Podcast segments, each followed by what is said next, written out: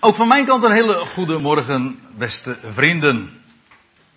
Ik wil u heel graag eens meenemen deze ochtend naar het schriftgedeelte wat we zojuist hebben gelezen. 1 Corinthians 3, vers 10 tot en met 23. En dat gaat over hout, hooi en stro. Maar ook nog wel andere materialen zullen daarbij ter sprake komen. En feitelijk gaat het vanmorgen over de vraag de zeer serieuze vraag mag ik wel zeggen.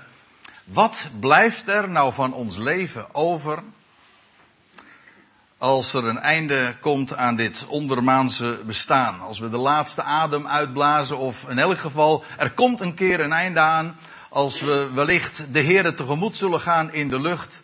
Maar wat blijft er dan nog over van ons leven? En wat is de waarde eigenlijk van ons bestaan als wij hier gelovig onze weg gaan. Ik stel voor dat we eerst maar eens naar dat Bijbelgedeelte toe gaan en vers, beginnen te lezen bij vers 10. En daar schrijft Paulus dit. En hij heeft het over de wijze waarop hij daar in Korinthe werkzaam is geweest en hoe hij daar het evangelie, het goede bericht van Gods genade, daar heeft uitgesproken, geherouwd heeft, bekendgemaakt heeft en hoe daar ook op die prediking een reactie is gekomen en dat daar velen ook in Korinthe tot erkenning zijn gekomen van die machtige boodschap. En hij schrijft dan, naar de genade van God, die mij gegeven is, heb ik als een kundig bouwmeester, Paulus was zich heel goed bewust van wat hij deed, en had, leed absoluut niet aan de minderwaardigheidscomplex, maar hij zegt erbij, het is de genade van God, later zegt hij dat in datzelfde Zelfde brief ook nog eens een keer. Hij zegt, door genade ben ik wat ik ben. Hij was een vervolger van de gemeente geweest, maar dat kan niet schelen uiteindelijk, want uiteindelijk, het was Gods genade die hem gevormd had. En, en hij zegt, het, is, het is de genade van God die mij gegeven is. Hij zegt, en als een kundig bouwmeester heb ik het fundament gelegd. Namelijk onder deze gemeente, onder deze ecclesia hier in Korinthe. Want daar heeft hij het specifiek over. Maar over de hoofden heen van hen, dat blijkt al uit het begin van deze brief, spreekt hij tot allen die de naam van de Heer Jezus Christus in waarheid aanroepen. Dus ook hier in Rotterdam. Dus we kunnen ons daarbij ook zeker aangesproken weten. En dan schrijft hij, dan schrijft hij, uh, hij heeft het fundament gelegd waarop een, dan een ander voortbouwt. Paulus was inmiddels niet meer in Korinthe. En dus er zouden andere mensen zijn. En hij heeft het in, het in de eerste plaats hier over predikers. Die vervolgens ook deze boodschap daarin verder gaan en daarop voortbouwen. Maar zegt hij, een ieder zie wel toe hoe hij daarop voortbouwt. Met de nadruk op daarop voortbouwt. Dat blijkt, want hij schrijft dan vervolgens, want een ander fundament dan dat er ligt, en letterlijk staat er in het Grieks, uh, naast dat er ligt, uh, namelijk Jezus Christus, kan niemand leggen. Het gaat erom, Paulus had die boodschap van Jezus Christus gepredikt. En als ik zeg Jezus Christus, dan hebben we het over, over Hem die hier op aarde gewandeld heeft, gestorven is, begraven is, maar vervolgens ten derde dagen opgewekt uit de doden. En dat is de boodschap. Het evangelie is niet een filosofie of een mooie levenswijze. Het is niet een of andere gedachteconstructie. Nee, het is de prediking van historische feiten aangaande iemand die al aangekondigd was in de oud-testamentische schriften, zo noemen wij dat dan. Maar gewoon in de Hebreeuwse Bijbel, door de profeten was hij aangekondigd en hij is gekomen. En hij is opgestaan uit de doden. En daarom is hij ook de Christus. Hij is Heer en Christus geworden, lezen we elders in de Bijbel, in het boek Handelingen. Hij is Heer en Christus geworden krachtens zijn opstanding. Daar gaat het Paulus om. En we lezen dat trouwens al, al in dezezelfde brief ook. Later zou hij dat nog uitvoerig aantonen in het vijftiende hoofdstuk van die brief. Hij zegt, indien Christus niet is opgewekt. Dan is immers onze prediking zonder inhoud. En zonder inhoud is ook uw geloof. En als je het op de positieve manier zegt, dezezelfde zin, dan zeg je dus, de inhoud van onze prediking en de inhoud van uw geloof, dat is Christus Jezus, die is opgewekt uit de doden. Alsjeblieft, dat is de boodschap. Een, een machtig historisch feit. De steen is weggewenteld. U ziet het hier ook op de achtergrond, want daar gaat het om. De steen is weggewenteld. De dood is in principe al overwonnen. Er is nieuw leven. Onvergankelijk leven. Hij is de eersteling, de overwinnaar. Dat is het evangelie. En dat was het fundament wat hij daar in Korinthe had neergelegd. Deze Christus Jezus, waar hij het over heeft, of deze Jezus Christus, hij is degene die garant staat voor een totaal en universeel goed uiteinde. Nee, ik heb het niet over Oudjaarsdag, maar ik bedoel een uiteinde van de geschiedenis over een, een uitkomst van al Gods wegen met zijn schepping, die zo onovertroffen is, die zo geweldig is, want het feit dat hij het graf leeg achtergelaten heeft, dat is de garantie dat het leven zal triomferen en dat de dood volkomen verslonden zal worden. En dat is ook weer zo'n feit. Het evangelie is een bericht. Het is een mededeling. En een gelovige is iemand die amen zegt op die mededeling. Zo is dat. Dat is de waarheid. Daar kun je op staan. Wel, Paulus heeft dat fundament gelegd. Hij zegt, er is geen eens een ander fundament. En het gaat erom dat we op dat fundament voortbouwen. En niet ernaast iets anders zouden verkondigen. En dan vervolgt hij in vers 17. Hij zegt, is er iemand die op dit fundament bouwt met goud? En hij gaat nu een heleboel een zestal, om precies te zijn, bouwmaterialen noemen. En die vallen uiteen in twee groepen. En de eerste groep, dat, is alle, dat zijn bouwmaterialen die van het zuiverste soort zijn. En de andere, de laatste drie bouwmaterialen, dat zijn ook bouwmaterialen, maar die blijken erg brandbaar te zijn. Nou, Waar het Paulus om gaat, is dat er gebouwd zou worden, en hij zegt dat nogmaals daar tegen de gemeente in Korinthe, want daar speelde heel veel. En er werd ook een prediking dikwijls gehoord, en Paulus waarschuwt daar ook voor, waarbij de mens weer zo centraal kwam te staan. En Paulus wijst erop dat ze zouden blijven bij dat fundament en daarop zouden bouwen. En, dan, spreekt hij over voortbouwen met goud. En goud in de Bijbel, Paulus wordt, ligt het hier weliswaar niet toe, maar als we dan schrift met schrift vergelijken, dan weten we dat, dat goud spreekt. Ja, goud is een edelmetaal. En een edelmetaal, dat wil zeggen, het is een, een, een metaal dat niet roest laat zich niet verbinden met zuurstof. Het is daarom een beeld ook van onvergankelijkheid. Het is niet zoals ijzer, dat, dat roest weg. Goud niet. Goud heeft ook alles te maken met de heerlijkheid van God. De heiligste voorwerpen die God liet vervaardigen ooit bij de bouw van de tabernakel en dan zeker bij het heilige der heiligen, alles was van het zuiverste goud.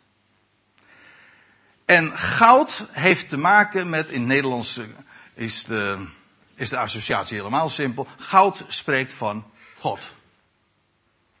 Goud spreekt van zijn onvergankelijke heerlijkheid, die, waarbij hij werkelijk God is. Goud spreekt van God. God is namelijk degene die werkelijk God is. En dat is ook wat, wat Paulus daar in Korinthe heeft verteld. Hij heeft, hij heeft gesproken over de grote overwinnaar uit de, uit de doden. De eersteling die verrezen is. Ja, maar wat demonstreert dat?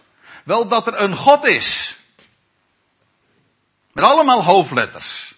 Want het woord God, dat klinkt natuurlijk uh, maar al te vaak. En iedereen, iedereen die gelooft wel in een God. Ja, maar ik geloof niet in een God. Ik geloof in één God. Ik geloof in één God. En omdat er maar één is, is die ook werkelijk God. Kijk, zodra er twee zijn of meer, dan moet hij zijn plaats delen met een ander. Maar de God die wij kennen, hij is één. Dat is de belangrijkste beleidenis voor een Jood. En hij zal, dagelijks is het op zijn lippen. Hoor Israël, de Heere is onze God, de Heere is één. Er is maar één God en omdat er één God is, gaat er ook nooit niks mis. Alleen die boodschap dat er één God is, dat is al evangelie. Want het betekent dat er één is die alles een plaats geeft, al begrijpen we er helemaal niets van, daar gaat het niet om. Er is er één die alles in zijn machtige hand heeft, die alles bedacht heeft, die alles voortgebracht heeft en die alles tot een goed einde gaat brengen. En dat doet hij door zijn zoon, Christus Jezus. Daar spreekt goud van. Van die geweldige heerlijkheid dat God werkelijk God is. En alles een plaats toewijst. Naar zijn, zoals een psalmwoord dat zegt, naar zijn gemaakt bestek. Want God houdt er een plan op na. En hij volgt dat minutieus. Perfect. En die wetenschap, beste mensen, dat is zo'n geweldig bouwmateriaal. Daar, dat bouwt ons op. Dat bouwt de gemeente op. Als er altijd weer gewezen wordt op die machtige waarheid dat er één God is. Dat is goud. Dat is echt goud. Hij spreekt over, is er iemand die op dit fundament bouwt met goud en dan vervolgens spreekt hij over zilver. Zilver, ook dat is in de Bijbel niet zo moeilijk. Zilver is namelijk een betaalmiddel. Als u in, het, in de Hebreeuwse Bijbel, in het Oude Testament, leest over geld, of het woordje geld leest in onze vertaling, dan staat er 10 tegen 1 het woord zilver eigenlijk. Zilver is namelijk, uh, je leest bijvoorbeeld in Jesaja 50, koopt gij die, uh, koopt zonder geld, ja. En waarom weegt gij, hoe staat het er nou precies? Ja, ik kom eventjes niet op de, op de tekst, maar het staat in Jesaja 55, ja. Nee, ik ga geen poging nu doen om het wel goed te citeren. Maar in elk geval in Jezaja 55, daar lees je die, die, die schitterende tekst over, over, over dat geld. Maar wij, hij zegt, koopt zonder geld. Maar daar, daar staat er letterlijk dat woord, in het Hebreeuws het woord zilver. Zilver is namelijk een betaalmiddel. Zilver, en de, en de link is, is, is zo eenvoudig en zo voor de hand liggend. Zilver spreekt daarmee dus van de prijs.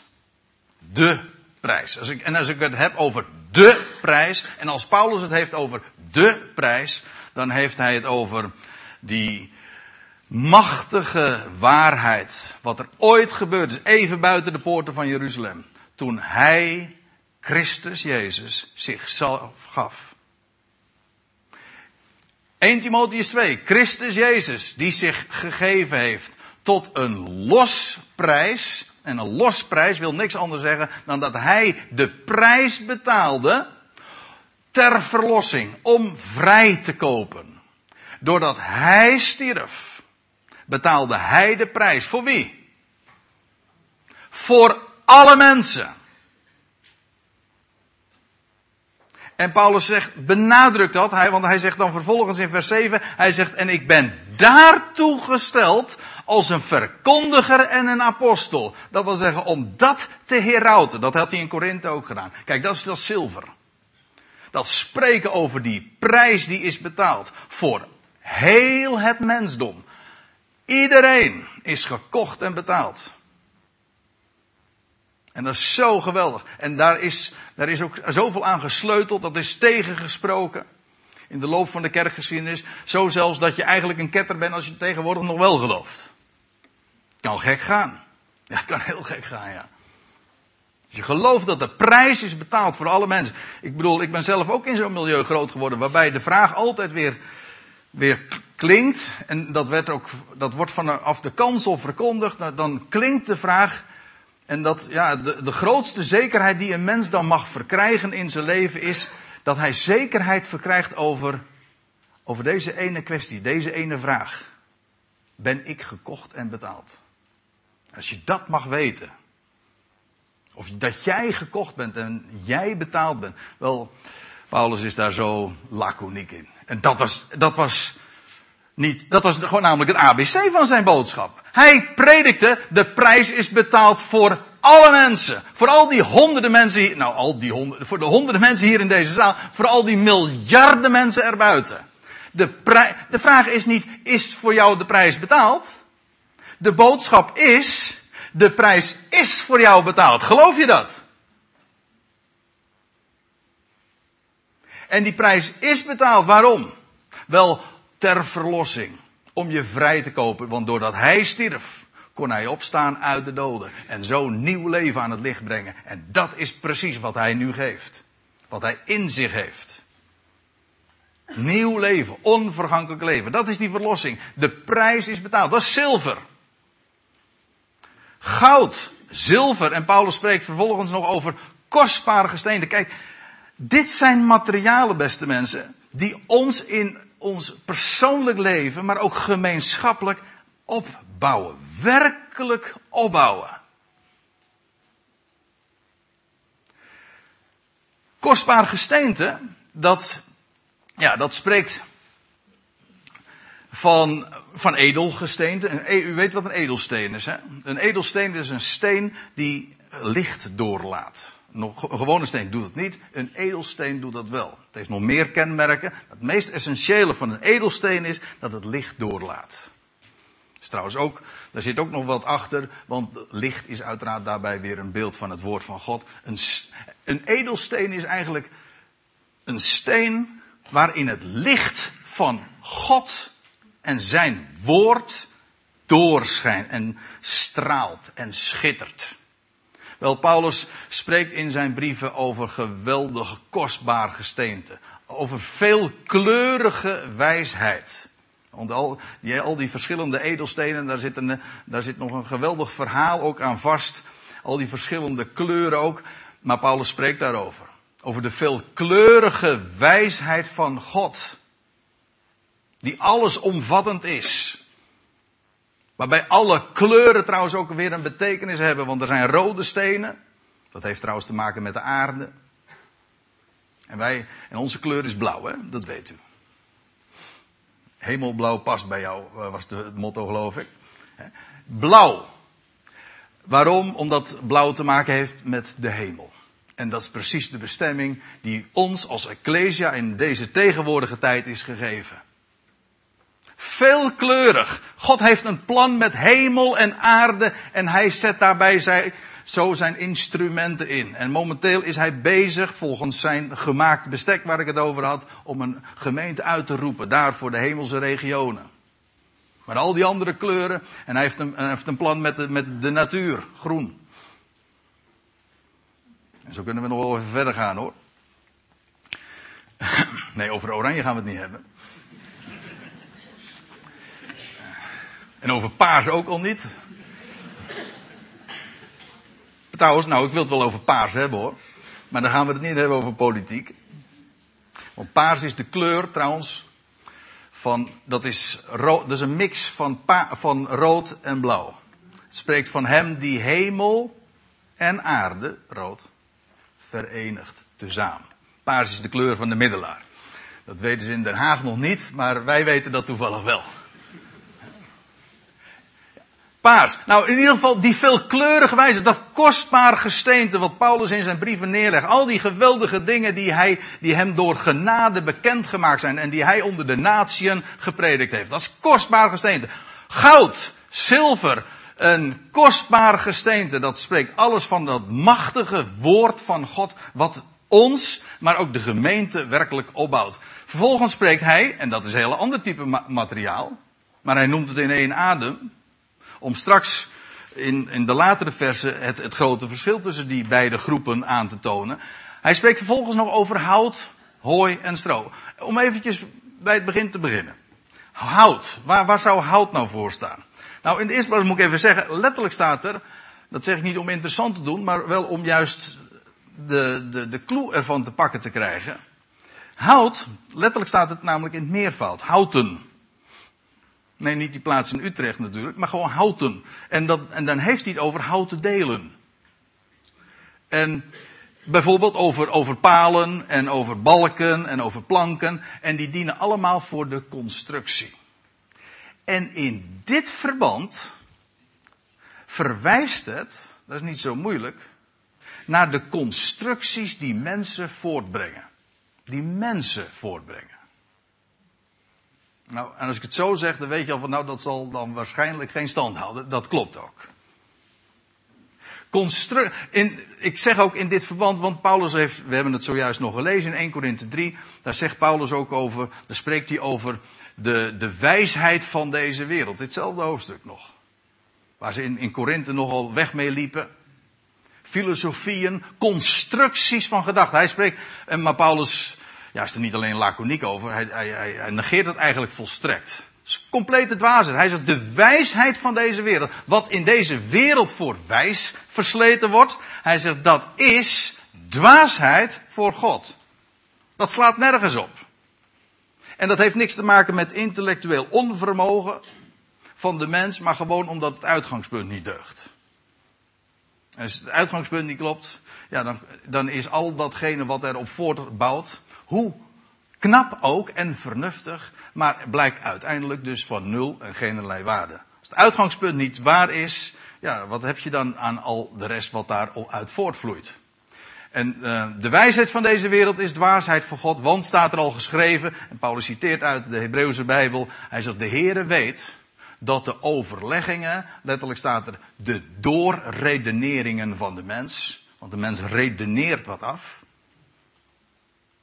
maar ze zijn ja, van de wijze, niet van de dwaze, de, de doorredeneringen van de wijze. Ze zijn vruchteloos. Letterlijk staat er gewoon ijdel, leeg. Ze lopen op niets uit.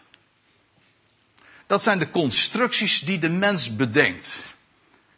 En veel gemeenteleven wordt ook vaak, ik denk dikwijls met, daar wordt gebruik gemaakt van menselijke constructies. Veel hout, vele houten delen. En dat zit misschien heel knap in elkaar. Menselijke technieken. Eh, hoeveel, hoe vaak heb ik ook niet gehoord over, over gemeenteleven waarbij, waarbij allerlei uh, ideeën uit de managementwereld worden overgenomen en die moeten, worden dan van toepassing gebracht op, op, op het gemeenteleven. Want ja, daar kunnen we wel wat van opsteken. Alsof God zijn ecclesia bouwt op ideeën uit de managementwereld. En het is knap. En in die wereld heeft het wellicht zo, zijn, tijdelijk nut. Maar in de gemeente zou daar niet mee gebouwd worden. In de gemeente, in Gods gemeente, gaat het om, om zijn woord. En om zijn overtuigingskracht. En niet om allerlei menselijke technieken, ook organisatie, structuren enzovoort. Dat allemaal net, net wat ik zeg, het is misschien knap in elkaar gezet, maar het zijn constructies van hout. En wat daarmee gebeurt, wel, we zullen het straks zien. Hij spreekt ook nog over bouwen met hout, maar niet alleen dat, ook over hooi en stro. Ik heb erover nagedacht wat dat zou kunnen betekenen, maar uh, het is niet zo moeilijk hoor, als je gewoon je beperkt tot de Bijbel. Want hooi en stro is namelijk ook een bouwmateriaal. En dat, daar weet Israël alles van.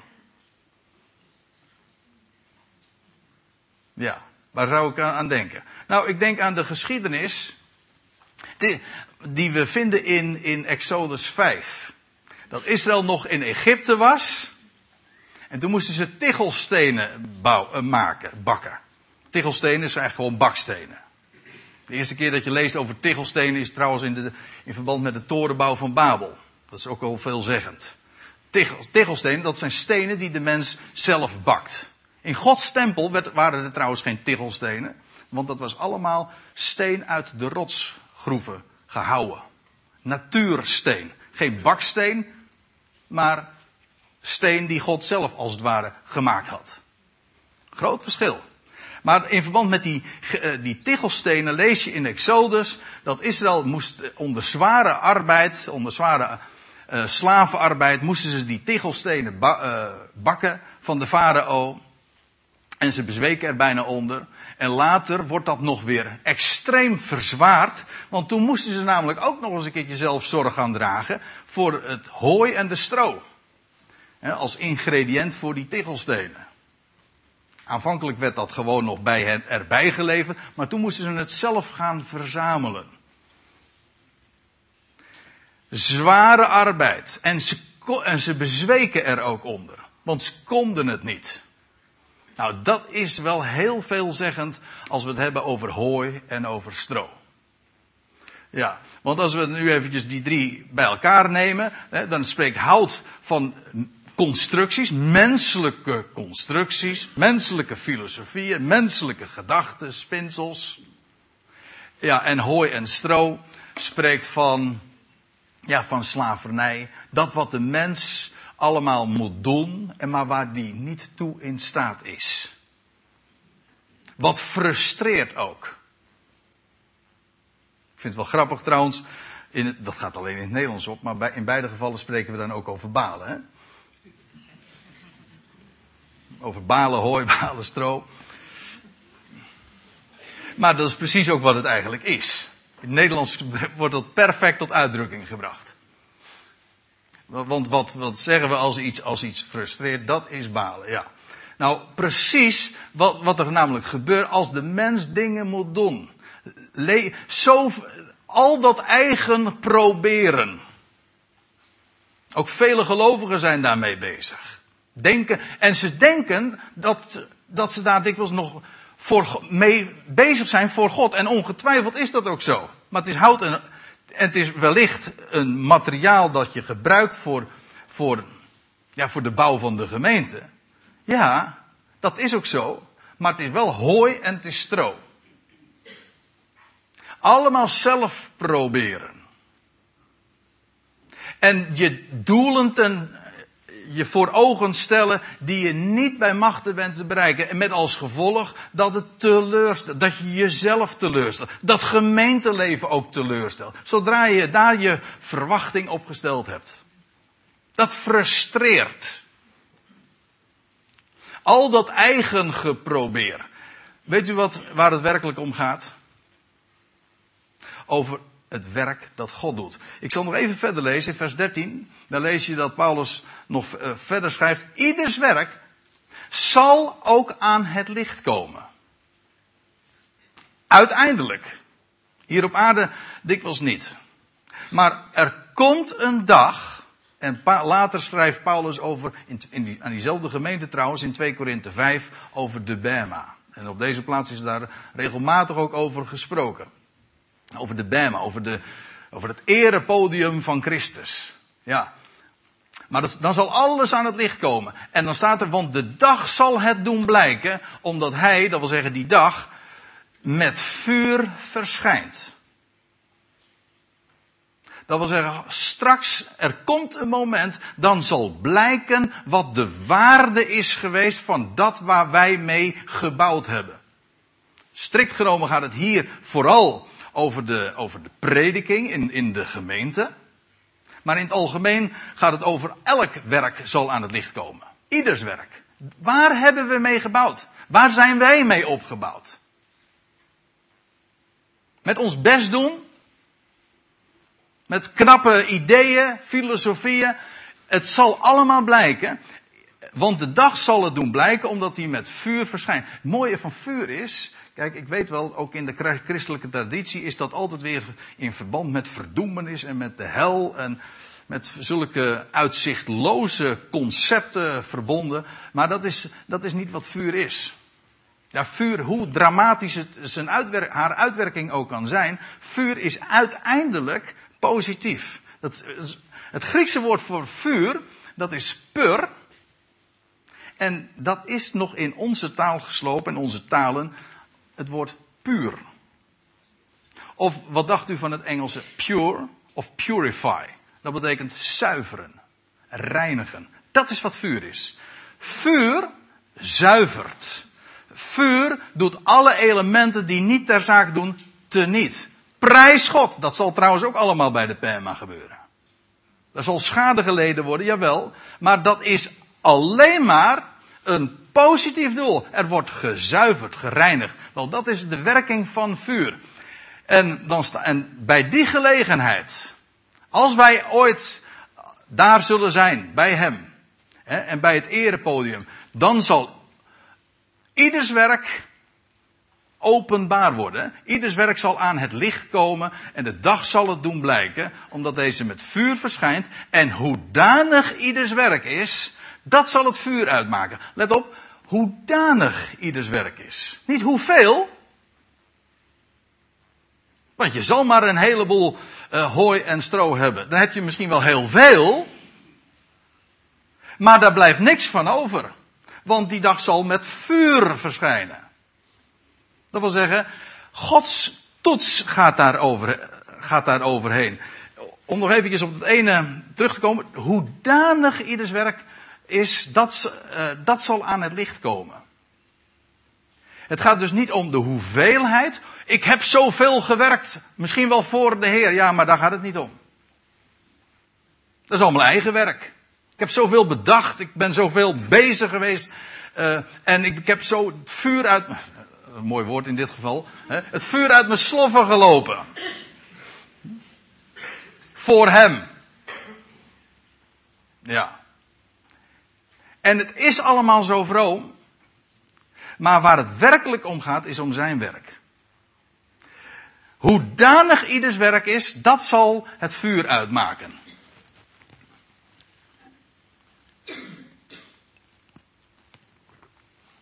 Ik dacht, we hebben het over kleuren, we gaan het nog een ander achtergrondkleurtje ook geven.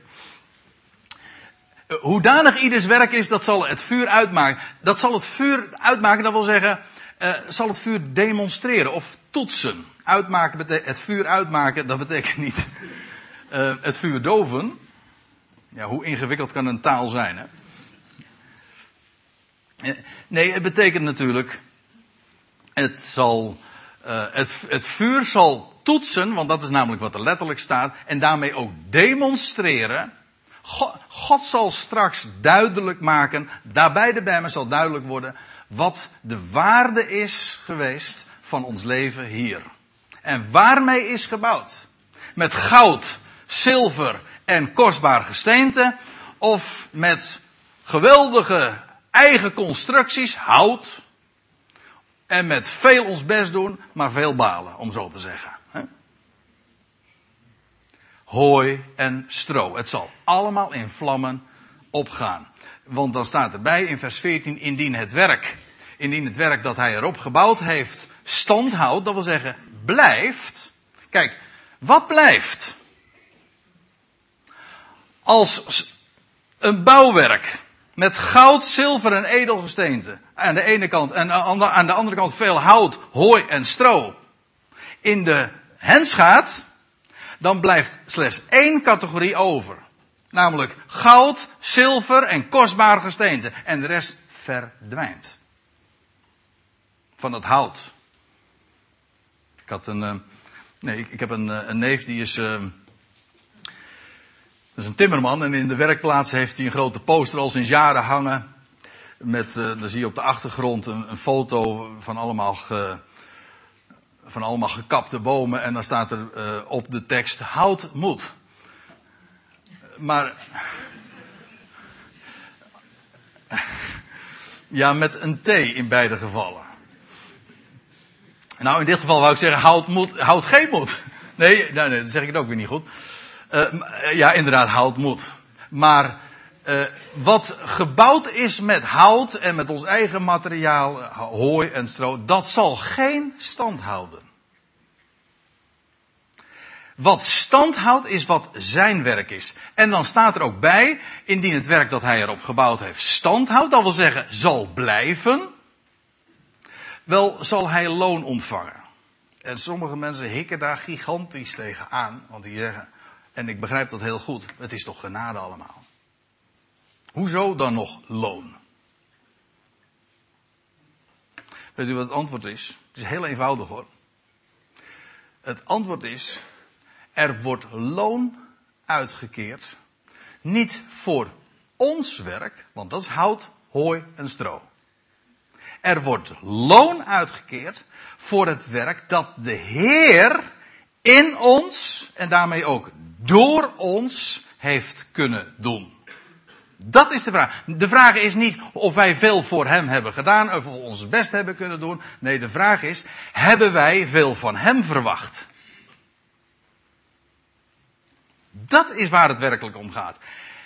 En dat loon, ik kan het ook aantonen hoor, want later in diezelfde brief, weer 1 Korinthe 15, daar lees je dat, dat Paulus zegt in 1 Korinthe 15 vers 58, dat hij zegt van, mijn broeders, wees standvastig, onwankelbaar. Nadat hij gesproken heeft over de boodschap van, van de opgewekte Christus. Hij zegt, wees, standvastig. En, maar dan zegt hij, ten alle tijden overvloedig. In het werk des Heren. Maar dat, dat betekent dus in het werk van de Heren. En het werk van de Heren betekent het werk dat Hij doet. Daar, hoe, het gaat erom dat wij staan op dat fundament. En daarop blijven staan. En als we daarop staan, dan zal Hij overvloedig zijn werk in ons doen en daarmee ook door ons kunnen doen. En dan bouwen wij, en dan zijn we gefocust op goud. Op de heerlijkheid van God als God. En de prijs die betaald is. En die machtige waarheden die wij, die aan ons zijn toevertrouwd. En die Paulus heeft mogen prediken onder de natieën. Wel, als we daarin staan. Daarin leven. Daarop blijven staan. Wel, dan zullen we inderdaad loon ontvangen. En weet je wat het loon is? Dat is dat wat er overblijft. En wat, ja, wat er overblijft van ons leven. Wat er overblijft, wat God heeft kunnen doen in ons leven. En het, en het grote verschil is. Ik laat, ik laat ik nog eventjes terugkomen of, ja, op het Bijbelgedeelte. Nog even dat doorlezen. Maar indien iemands werk verbrandt, zo zal hij schade lijden. Dan zie je, straks, er komt dat moment zeker bij dat erepodium, wel dan, dan zal blijken wat is van waarde geweest in ons leven. Wel wat hij heeft kunnen doen. Daar waar wij hem gedankt hebben. Want we, nog even één punt. Waaraan herkennen wij zijn werk? Wanneer weet ik nou of het mijn eigen werk is of zijn werk in mij en door mij? Wel, het antwoord is ook hier weer genade. En dat betekent als wij Hem danken, dan is het Zijn werk. Dat wil zeggen, als Hij iets doet, dan krijgt Hij daarvoor de credits. Daar, hij daarvoor de eer en de dank. En daar waar wij onze ogen richten op Hem, en op wat Hij doet, daar kan Hij overvloedig in ons, in ons werken. En dat zal van waarde blijken. Wat gedaan werd uit liefde, niet voor Jezus, pardon, maar wat uit gedaan werd uit liefde van Christus. Wat zijn liefde in ons uitwerkt, dat zal zijn waarde houden. En blijven bestaan. Ja, en de rest, dat gaat allemaal in de hens. Wees daar trouwens blij om, want dat nemen we niet meer mee. Dan zul je schade blij, dan zul je schade ondervinden, want dan zul je beleven. Dan, zul je, dan zullen we ons er ook van bewust worden. Hoe waardevol ons leven had kunnen zijn. Niet als we wat meer ons best hadden gedaan. Nee, als we wat meer gewoon onze ogen hadden gericht naar boven. En het allemaal van Hem verwachten. En dat Hij zoveel meer in ons leven kan dan wij bidden of beseffen. En, daar, en al het andere, dat is allemaal getop. Dat is allemaal hout, hooi en stro en er blijft niets van over. En dat zal straks ook blijken. En maar staat er in de Bijbel, want onze eigen redding is daarbij absoluut niet staat ter, daarbij ter discussie. Want daar waar wij Hem kennen, zijn we zijn eigendom. En staat Hij ook garant voor onze redding. En dan staat er hier ook, Hij zelf zal gered worden. Uiteraard. We zijn verzegeld met zijn geest en dat zegel kan uiteraard niet verbroken worden. Maar staat erbij als door vuur heen. Dat wil zeggen, dan, heb, dan ben jij gered. Maar dan, zal blijken dat je leven verloren is. En dat is triest. Dat is triest. Dan ben jij gered. En je leven dat zo een toonbeeld had kunnen zijn van zijn genade en van zijn grootheid en van de prijs die hij betaald heeft en wat hij had kunnen doen, dan ben je altijd maar bezig geweest met je eigen getop. Wel, dat zal allemaal aan het licht komen. Onze redding is een feit. Maar wat is de waarde van ons leven? En de waarde van ons leven wordt bepaald door dat goud, door zilver en dat edelgesteente.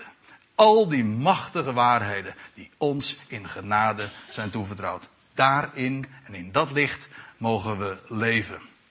Ik stel voor dat we daar een lied over gaan zingen.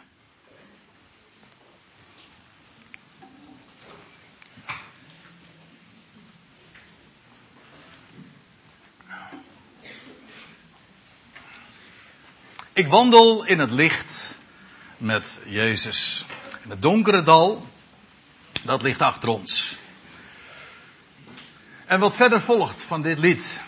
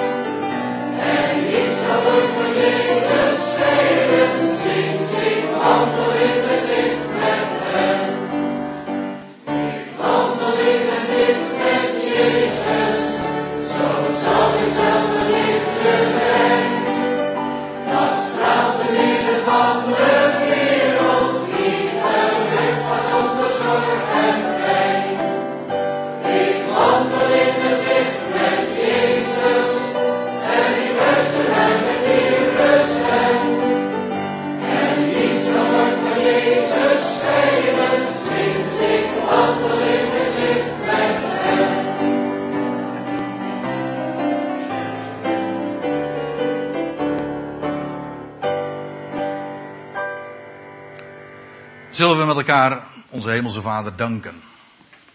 Trouwe God en Vader, we danken u dat u ons hier in de gelegenheid stelt om bij elkaar te zijn, uw woord te openen en daardoor ook verlicht te worden. We danken u dat we mogen wandelen in dat licht van uw woord. En dat daarmee ook de duisternis verdreven wordt. Want dat is de kracht van dat licht van u. Het verdrijft inderdaad de duisternis. En Heer, er zijn er velen die wandelen in zoveel donkerte, zoveel duisternis. In de schaduw vaak ook van de dood.